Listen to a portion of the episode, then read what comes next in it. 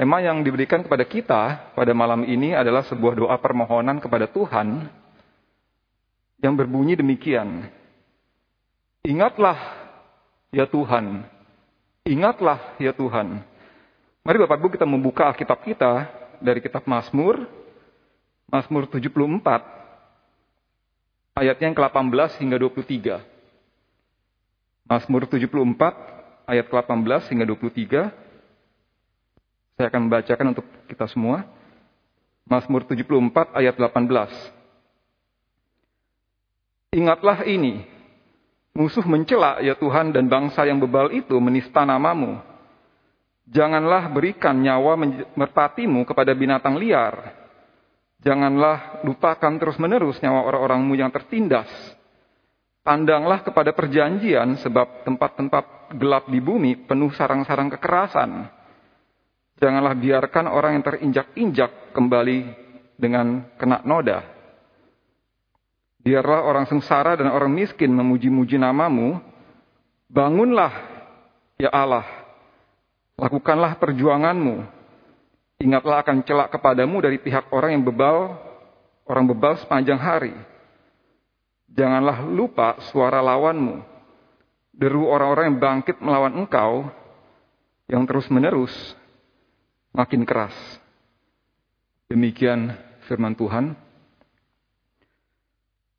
C.S. Lewis, seorang penulis Kristen yang di buku-bukunya itu banyak melakukan pembelaan terhadap iman Kristen. Seorang penulis apologetika handal yang banyak memberikan argumen mengenai keberadaan Tuhan. Bahwa Tuhan itu betul-betul ada, Tuhan itu nyata, tapi suatu hari dia mengalami kesedihan yang begitu mendalam karena istrinya yang dia sangat cinta itu meninggal terkena kanker, Bapak Ibu. Di dalam bukunya A Grief Absurd, sebuah buku di mana dia itu menuangkan semua kesedihannya, dia pun lalu bertanya, mengapa? Mengapa ini harus terjadi? Di manakah Tuhan? Dan di dalam kesedihannya itu ketika ada orang-orang yang mencoba menghibur dia dengan kata-kata rohani yang manis, dia menulis seperti ini. Jangan coba Anda bicara kepada saya mengenai agama. Karena saya akan menduga bahwa Anda itu sebetulnya tidak mengerti apa yang saya alami. Dan di bagian di bagian lain bukunya Lewis menulis seperti ini lagi. Ketika engkau datang kepada Tuhan di dalam keputusasaan, ketika engkau datang kepada Tuhan karena semua pertolongan lain sia-sia, karena tidak ada yang mampu menolongmu, lalu apa yang kau temukan? Yang kau temukan adalah sebuah pintu yang dibanting menutup di depan wajahmu. Dan lalu terdengar suara pintu dikunci dua kali dari dalam. Dan setelah itu yang ada hanyalah keheningan katanya silence. C.S. Lewis yang berargumen bahwa Tuhan itu ada, yang bahkan enam tahun sebelumnya dia pernah menulis buku mengenai sukacita dalam Tuhan. Tapi di dalam situasi seperti itu yang paling sulit dalam hidupnya, dia bertanya mengapa, dan Tuhan itu diam. Apa yang dihadapi oleh C.S. Lewis ini kurang lebih adalah juga yang dihadapi oleh penulis Mazmur yang menyebut dirinya sebagai Asaf ini, meskipun di dalam konteks yang berbeda, Bapak Ibu. Jadi Mazmur 74 ini ditulis dengan latar belakang di mana kota Yerusalem dan bait Allah itu jatuh ke tangan musuh, ke tangan bangsa Babel. Di tahun 587 sebelum Masehi, jadi bangsa Babel itu menyerbu Yerusalem, menghancurkan bait Allah. Bait Allah yang megah itu hancur. Tembok kota Yerusalem dirobohkan.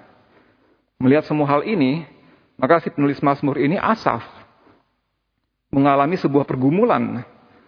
Dia tidak siap melihat realita ini sebetulnya.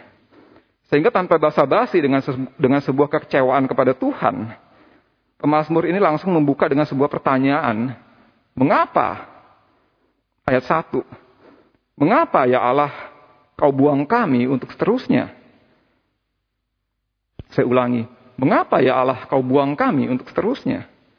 Nah, kadang-kadang kita mengajukan pertanyaan ini secara retorik tanpa mengharapkan jawaban.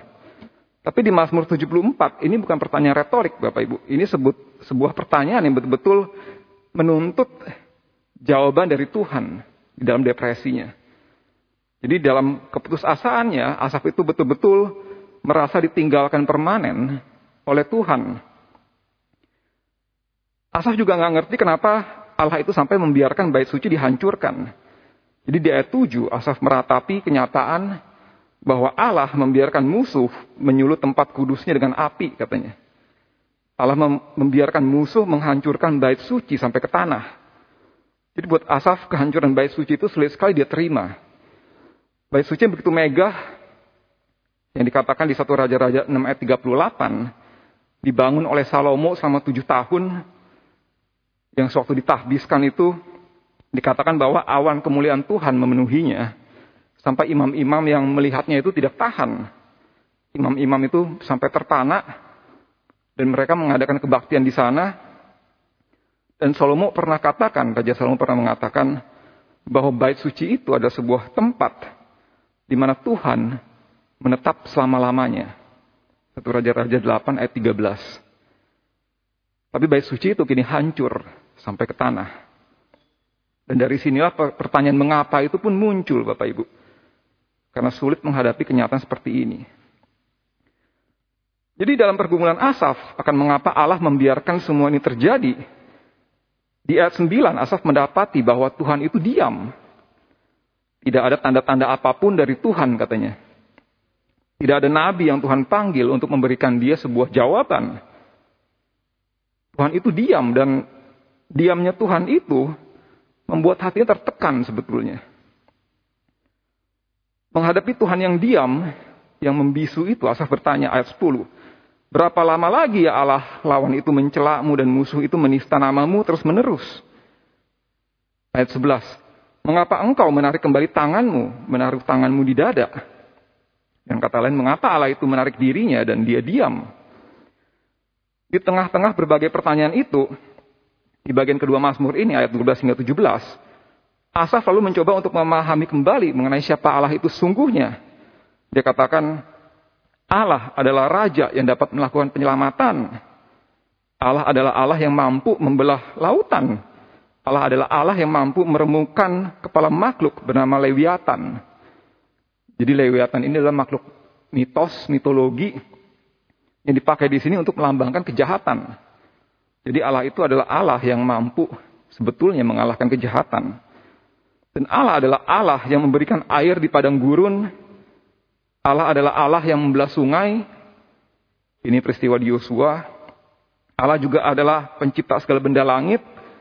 Ia juga yang menciptakan musim panas dan musim hujan. Tapi dengan semua pemahaman akan kemahakuasaan Allah seperti ini, apakah pergumulan Asaf selesai? Ternyata tidak, Bapak Ibu. Di bagian akhir Mazmur ini, ayat 18 sampai 23, Asaf itu menuntut kepada Allah supaya Allah bertindak secepatnya. Asaf meminta tolong, meminta Allah untuk ingat akan musuh-musuhnya yang mencela namanya. Asaf memohon supaya bangsanya itu jangan sampai diserahkan kepada musuh. Supaya ia dan bangsanya jangan ditindas. Asaf minta supaya Allah melihat kembali perjanjian antara dia dengan umatnya. Asaf juga minta Allah supaya jangan membiarkan dirinya dan bangsanya itu diinjak-injak. Supaya Allah bangun, berjuang membela dirinya dan bangkit melawan musuhnya. Setelah itu anehnya, dengan mendadak, Mazmur ini Selesai begitu saja Bapak Ibu. Jadi Mazmur 74 ini sebetulnya adalah Mazmur yang janggal. Mazmur ini Mazmur yang tidak lazim. Kenapa? Karena pada umumnya Mazmur itu ditutup dengan sebuah pengakuan yang indah akan kasih setia Tuhan. Biasanya Mazmur ditutup dengan ucapan-ucapan syukur, ditutup dengan puji-pujian kepada Tuhan. Tapi Mazmur 74 ini Gak punya semuanya itu Bapak Ibu. Di tengah-tengah pergumulannya mendadak doa Asaf ini berhenti tanpa ada penyelesaian, berhenti tanpa ada resolusi apa pun. Meski Asaf memang berharap kepada Tuhan, tapi di dalam dirinya itu ada kekecewaan kepada Tuhan. Sehingga ada penafsir mengatakan, Mazmur 74 ini adalah sebuah protes kepada Tuhan di dalam bitterness, di dalam kepahitan yang tidak terselesaikan. Ada penafsir mengatakan bahwa Mazmur 74 ini sebetulnya bukan contoh yang ideal untuk berdoa kepada Tuhan. Jadi kalau mau doa kepada Tuhan dikatakan jangan ikutin pola Mazmur 74 ini. Mazmur 74 ini dikatakan bukanlah sebuah pola doa yang baik untuk ditiru. Sehingga kalau mau dipakai sebaiknya dipadukan dengan Mazmur lain katanya, tidak berdiri sendiri. Dan Mazmur ini juga sifatnya menyudutkan Allah. Mendakwa Allah, menempatkan Allah sebagai pihak yang perlu mempertahankan dirinya. Bahkan di Mazmur 74 ini tidak ada pengakuan dosa. Tidak ada pengakuan dosa. Pemazmur merasa, merasa berhak meminta kepada Allah, menyalahkan Allah kalau Allah itu adalah pihak yang tidak setia dengan perjanjiannya. Jadi sederhananya bisa dikatakan bahwa Mazmur ini adalah Mazmur yang tidak sopan kepada Tuhan begitu intinya. Tapi di balik semua ini Bapak Ibu saya yakin bahwa Mazmur 74 ini sebetulnya adalah doa yang realistis. Yang mewakili doa kebanyakan dari kita sebetulnya. Sewaktu menghadapi pergumulan berat yang tidak selesai, isi doa itu kan isi doa kita itu kan kebanyakan seperti ini Bapak Ibu. Doa yang memang kadang-kadang tidak diakhiri dengan pujian kepada Tuhan. Doa yang tidak ada ucapan syukur kepada Tuhan, tidak ingat akan kasih Tuhan, kita itu kadang-kadang berdoa berasa kepepet sekali sampai bahkan mencoba menyudutkan Tuhan. Allah itu kan serba bisa. Kenapa Allah nggak melakukannya? Isi doa itu juga memang kebanyakan tanpa pengakuan dosa. Hanya meminta-minta dan isi doa kita itu ber, sering kali berakhir menggantung seperti doanya Asaf, tidak tuntas. Doa kita kadang itu bahkan berhenti, mendadak, Mungkin hanya diakhiri dengan helaan napas, kadang-kadang mungkin diakhiri dalam tidur bahkan. Dan kadang-kadang doa kita terputus karena kita tidak tahu lagi mau ucapkan apa.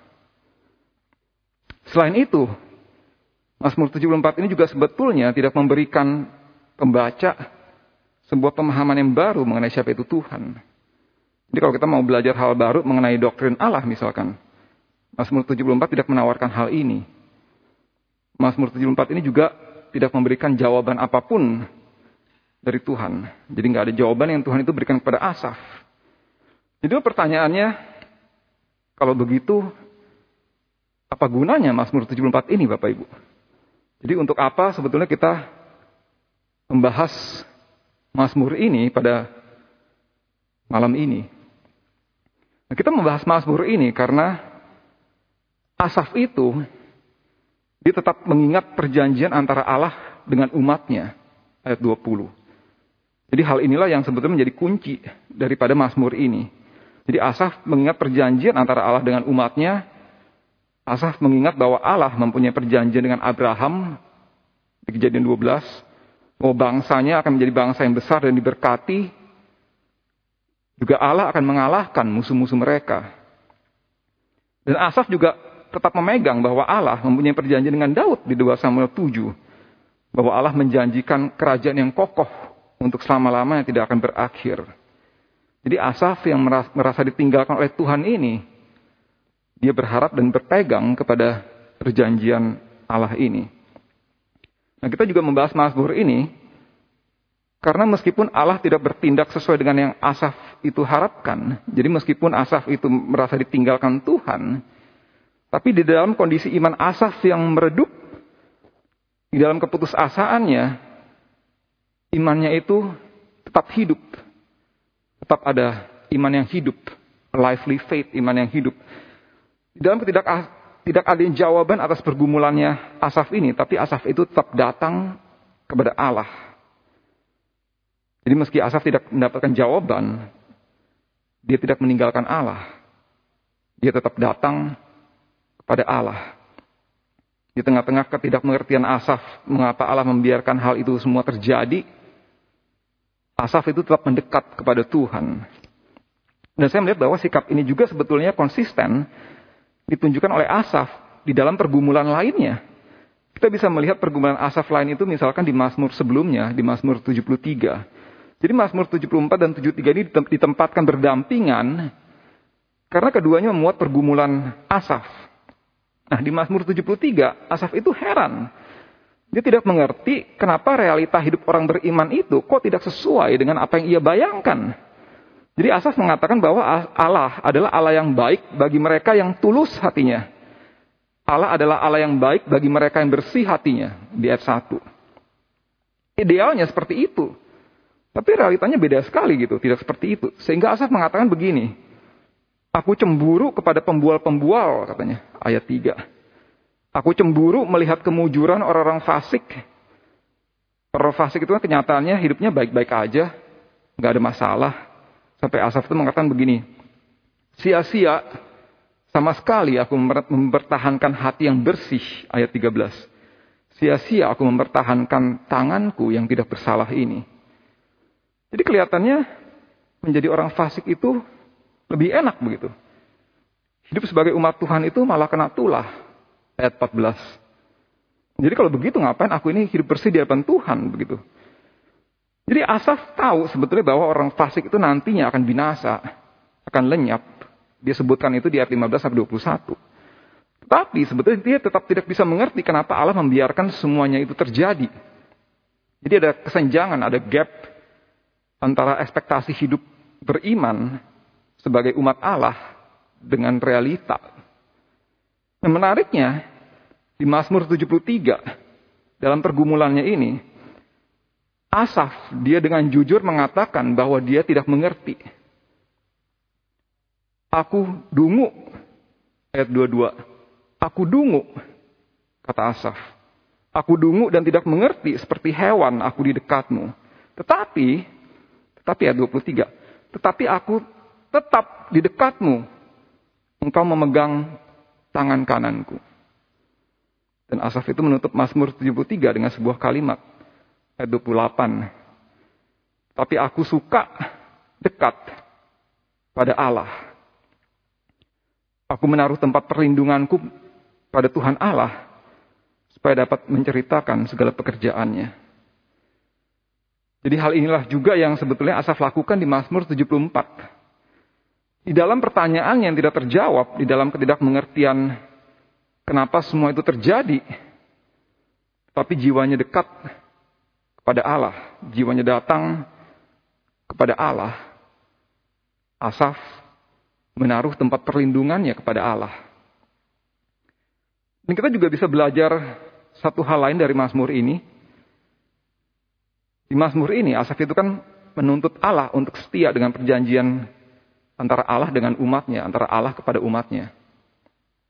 Tetapi dalam tulisannya, Asaf tidak memperhatikan aspek lainnya, yaitu aspek ketidaktaatan umat Tuhan kepada Allah bahwa bangsanya itu telah lebih dahulu meninggalkan Allah. Karena itu maka di Mazmur 74 kita tidak melihat adanya pengakuan dosa Bapak Ibu. Asaf tidak memperhatikan aspek pengakuan dosa ini. Dalam pergumulan jadi Asaf hanya berfokus kepada satu aspek yaitu aspek perjanjian menuntut supaya Tuhan setia dengan perjanjiannya tetapi tidak menggumulkan aspek firman Tuhan lainnya yang mengenai dosa umatnya. Di mana ada persyaratan bahwa Allah akan setia bila umatnya juga setia. Nah, sehingga ini menjadi satu pertanyaan buat kita, sewaktu kita melihat suatu permasalahan, sewaktu kita kecewa dengan Tuhan, apakah kita sudah memperhatikan berbagai aspek firman Tuhan yang lain yang ada di Alkitab sebetulnya? Karena kita sebetulnya suka dengan sisi-sisi yang lebih dramatis ya mengenai Tuhan gitu. Kita mudah kagum dengan hal-hal yang spektakuler mengenai Tuhan, kita kagum dengan Allah yang membelah laut, kita kagum dengan Allah yang membelah sungai, meruntuhkan kota Yeriko, kita kagum dengan kisah Yesus menyembuhkan orang sakit dan sebagainya. Di dalam pikiran kita sering kali Allah itu fantastis seperti itu begitu. Tapi setelah kita lama mengikuti Tuhan, kita mulai sadar bahwa realita di dalam perjalanan iman itu tidak selalu seindah itu. Tidak semuluk-muluk itu. Di dalam realita Tuhan itu kok tidak bekerja seperti yang kita itu inginkan, yang kita mau, yang yang kita harapkan. Jadi fokus kita hanyalah kepada aspek-aspek atau sisi tertentu mengenai Tuhan, tapi kita mengabaikan aspek-aspek lainnya gitu. Sehingga kita itu kecewa. Karena itu maka ada sebuah buku yang ditulis oleh Philip Yancey yang diberi judul Disappointment with God. Kekecewaan kepada Tuhan. Karena memang banyak orang kecewa dengan Tuhan. Sewaktu Tuhan itu tidak memenuhi ekspektasi-ekspektasinya. Tuhan itu ternyata nggak sesuai dengan yang dia bayangkan. Tuhan itu nggak sesuai dengan yang dia itu inginkan, yang dia itu pikirkan.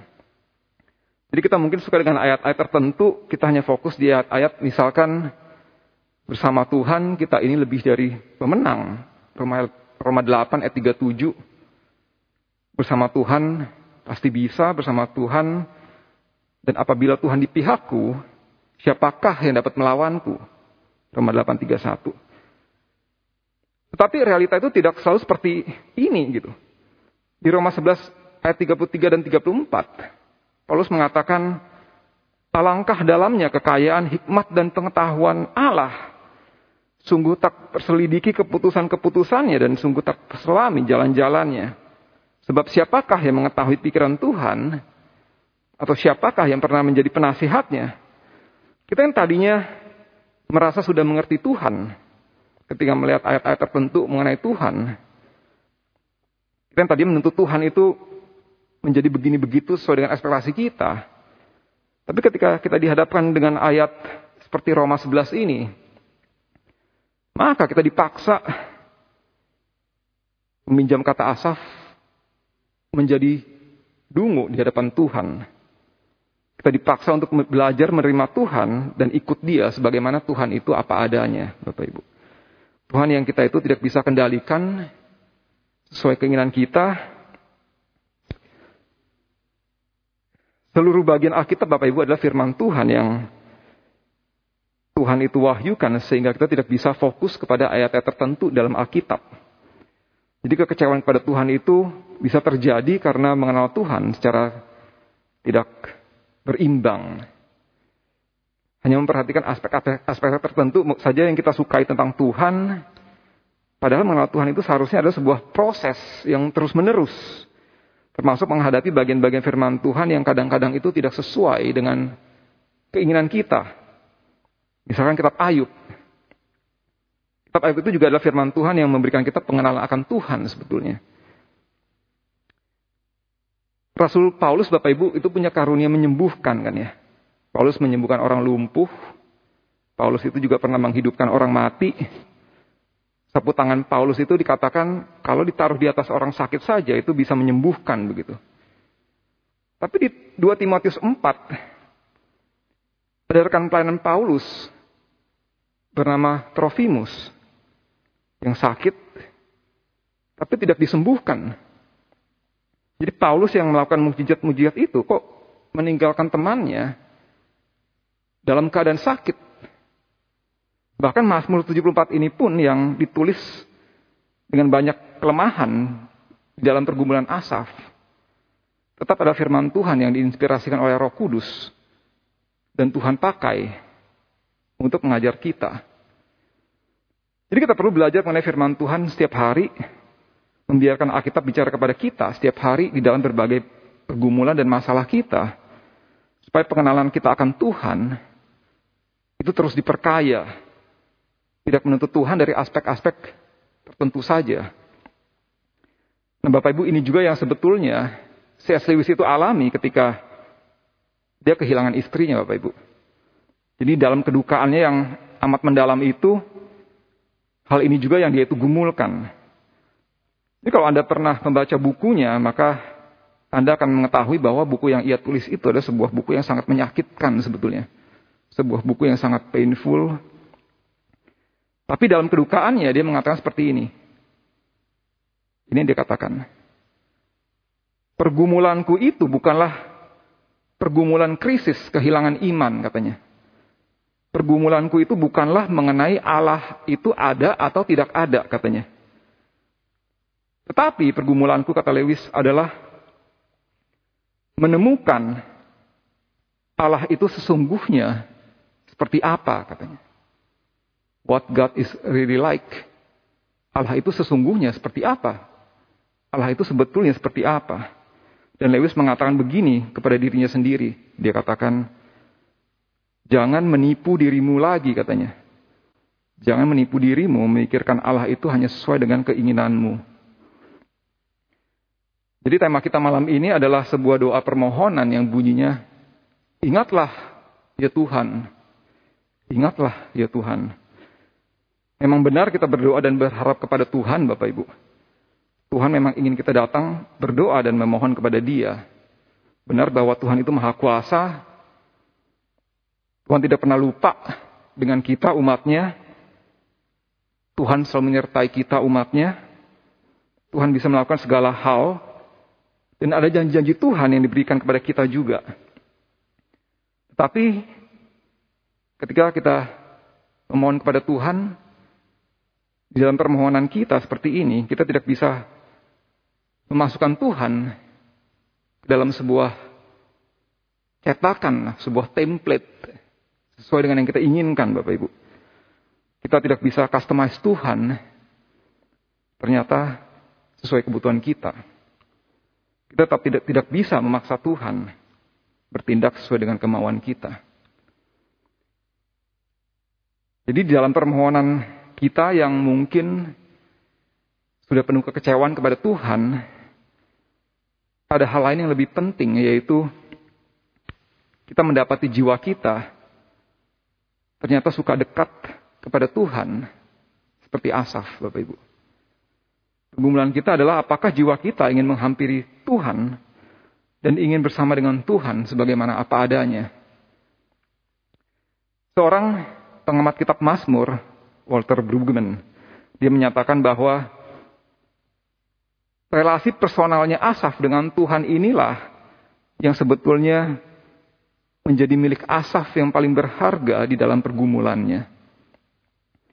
Jadi di tengah-tengah segala kelemahan dan kekurangan Asaf di dalam pergumulannya, kedekatan yang dengan Tuhan ini adalah hartanya yang paling berharga, Bapak Ibu. Jadi kiranya Tuhan berbelas kasih kepada kita. Kiranya di balik pergumulan-pergumulan kita yang saat ini mungkin tidak terselesaikan, yang tidak mengerti, yang kita itu nggak mengerti kenapa, kita menemukan suatu hal yang paling berharga, yaitu jiwa kita merindukan Tuhan, selalu terpanggil untuk datang mendekat kepadanya. Itu juga lagu yang tidak yang tadi kita nyanyikan Bapak Ibu. Raih daku. Raih dan dekatkanlah ke sisimu, Tuhanku. Mari kita berdoa. Bapak kami sering kali mencoba untuk menuntut engkau sesuai dengan keinginan kami. Kami merasa kami mengerti engkau sehingga kami bahkan terkadang mencoba menyudutkan engkau. Kami mendakwa engkau, mengatakan bahwa engkau seharusnya dapat melakukannya ya Tuhan. Tapi kami sadar Tuhan bahwa kami sering kali melihat engkau sesuai dengan keinginan kami sendiri. Kami mengabaikan aspek-aspek lain mengenai engkau ya Tuhan. Kami ingin belajar ya Tuhan supaya kami boleh punya jiwa yang ingin datang dekat kepadamu. Di tengah-tengah ketidakmengertian kami, kami menghampiri Engkau. Dan kami ingin dekat dengan Engkau. Karena itulah yang Asaf lakukan. Dan itulah yang kami inginkan. Kiranya Engkau menolong kami semua, Engkau menyertai kami, Engkau membawa jiwa kami, Engkau meraih kami dekat kepadamu. Dalam nama Tuhan Yesus kami berdoa dan mengucap syukur. Amin. Kebaktian doa selesai, silakan saat teduh, kiranya Tuhan memberkati.